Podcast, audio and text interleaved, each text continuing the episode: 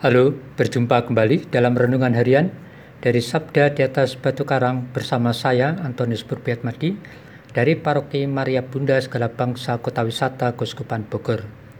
Saudara-saudari yang terkasih, hari ini Kamis tanggal 16 September adalah hari biasa pekan ke-24. Hari ini gereja memperingati Santo Cornelius seorang paus dan Santo Cyprianus, Beato Victor ketiga seorang paus dan Santa Eufemia. Bacaan kitab suci pada hari ini, bacaan pertama diambil dari surat pertama Rasul Paulus kepada Timotius pasal 4 ayat 12 sampai 16 dan bacaan Injil dari Injil Lukas pasal 7 ayat 36 sampai dengan 50 yang demikian bunyinya. Pada suatu ketika, seorang Farisi mengundang Yesus makan di rumahnya. Yesus datang ke rumah orang Farisi itu, lalu duduk makan. Di kota itu ada seorang wanita yang terkenal sebagai orang berdosa. Ketika mendengar bahwa Yesus sedang makan di rumah orang Farisi itu, datanglah ia membawa buli-buli pualam berisi minyak wangi.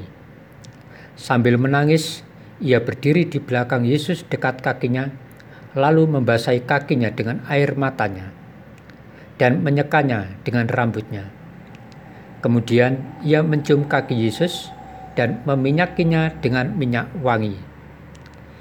Ketika orang Farisi yang mengundang Yesus melihat hal itu, ia berkata dalam hati, "Seandainya dia ini nabi, mestinya ia tahu bahwa wanita ini adalah orang yang berdosa." Lalu Yesus berkata kepada orang Farisi itu, "Simon, ada yang hendak kukatakan kepadamu." Saud Simon, Katakanlah guru, ada dua orang yang berhutang kepada seorang pelepas uang. Yang seorang berhutang 500 dinar, yang lain 50. Karena mereka tidak sanggup membayar, maka hutang kedua orang itu dihapuskannya. Siapakah di antara mereka yang akan lebih mengasihi dia? Jawab Simon, Aku sangka yang mendapat penghapusan utang lebih banyak. Kata Yesus kepadanya, "Betul pendapatmu itu." Dan sambil berpaling kepada wanita itu, Yesus berkata kepada Simon, "Engkau melihat wanita ini? Aku masuk ke dalam rumahmu, namun engkau tidak memberi aku air untuk membasuh kakiku. Tetapi wanita ini membasahi kakiku dengan air mata dan menyekanya dengan rambutnya. Engkau tidak mencium aku, tetapi sejak aku masuk, ia tiada henti-hentinya mencium kakiku. Engkau tidak meminyaki kepalaku dengan minyak, tetapi ia meminyaki kakiku dengan minyak wangi. Sebab itu aku berkata kepadamu, dosanya yang banyak itu telah diampuni, karena ia telah banyak berbuat kasih. Tetapi orang yang sedikit diampuni, sedikit pula ia berbuat kasih. Lalu Yesus berkata kepada wanita itu, "Dosamu telah diampuni." Orang-orang yang makan bersama Yesus berpikir dalam hati, "Siapakah dia ini? Maka ia dapat mengampuni dosa." Tetapi Yesus berkata kepada wanita itu, "Imanmu telah menyelamatkan dikau. Pergilah dengan selamat." Demikianlah Injil Tuhan. Terpujilah Kristus. Saudara-saudari yang terkasih, hari ini Yesus memberikan pengajaran bahwa pengampunan itu menyelamatkan. Saudara-saudari yang terkasih, menangis itu merupakan ungkapan atau reaksi dari berbagai keadaan yang menimpa kita. Misalnya seorang anak kecil yang jatuh atau terantuk biasanya segera menangis karena merasa sakit atau malu karena ada yang melihatnya jatuh. Kita menangis bisa juga karena perasaan kesedihan atau duka cita. Menangis dapat juga merupakan ungkapan keterharuan, kebahagiaan akan kasih yang kita terima dari orang lain.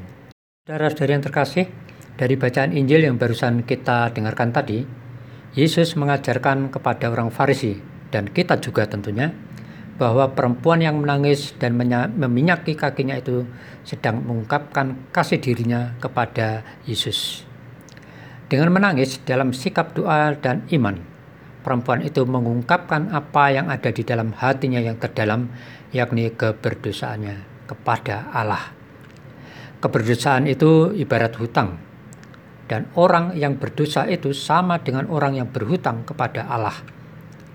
Semakin banyak hutang kita, tentu kita akan semakin sulit untuk melunasinya, bukan? Jika kita dalam keberdosaan, entah ringan atau berat, sedikit atau banyak, maka kita perlu segera datang kepada Tuhan untuk memohon pengampunannya. Melalui gerejanya yang kudus, Allah memberikan pengampunan atau penghapusan atas hutang-hutang rohani kita. Saudara-saudari yang terkasih, kita menyadari bahwa kita semua adalah orang yang berdosa dan tidak layak di hadapan Allah. Jika Allah sendiri telah memberikan jaminan penghapusan atas dosa-dosa kita, atas hutang-hutang rohani kita, maka mari kita pergunakan kesempatan dengan baik.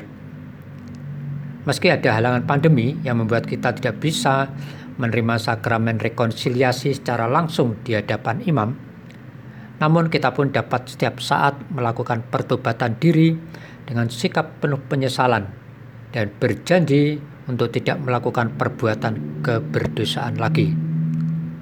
Sebagai orang beriman, kita percaya bahwa pengampunan itu menyelamatkan dan memberi kedamaian hati kita.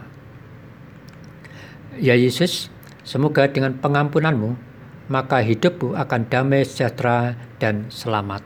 Amin.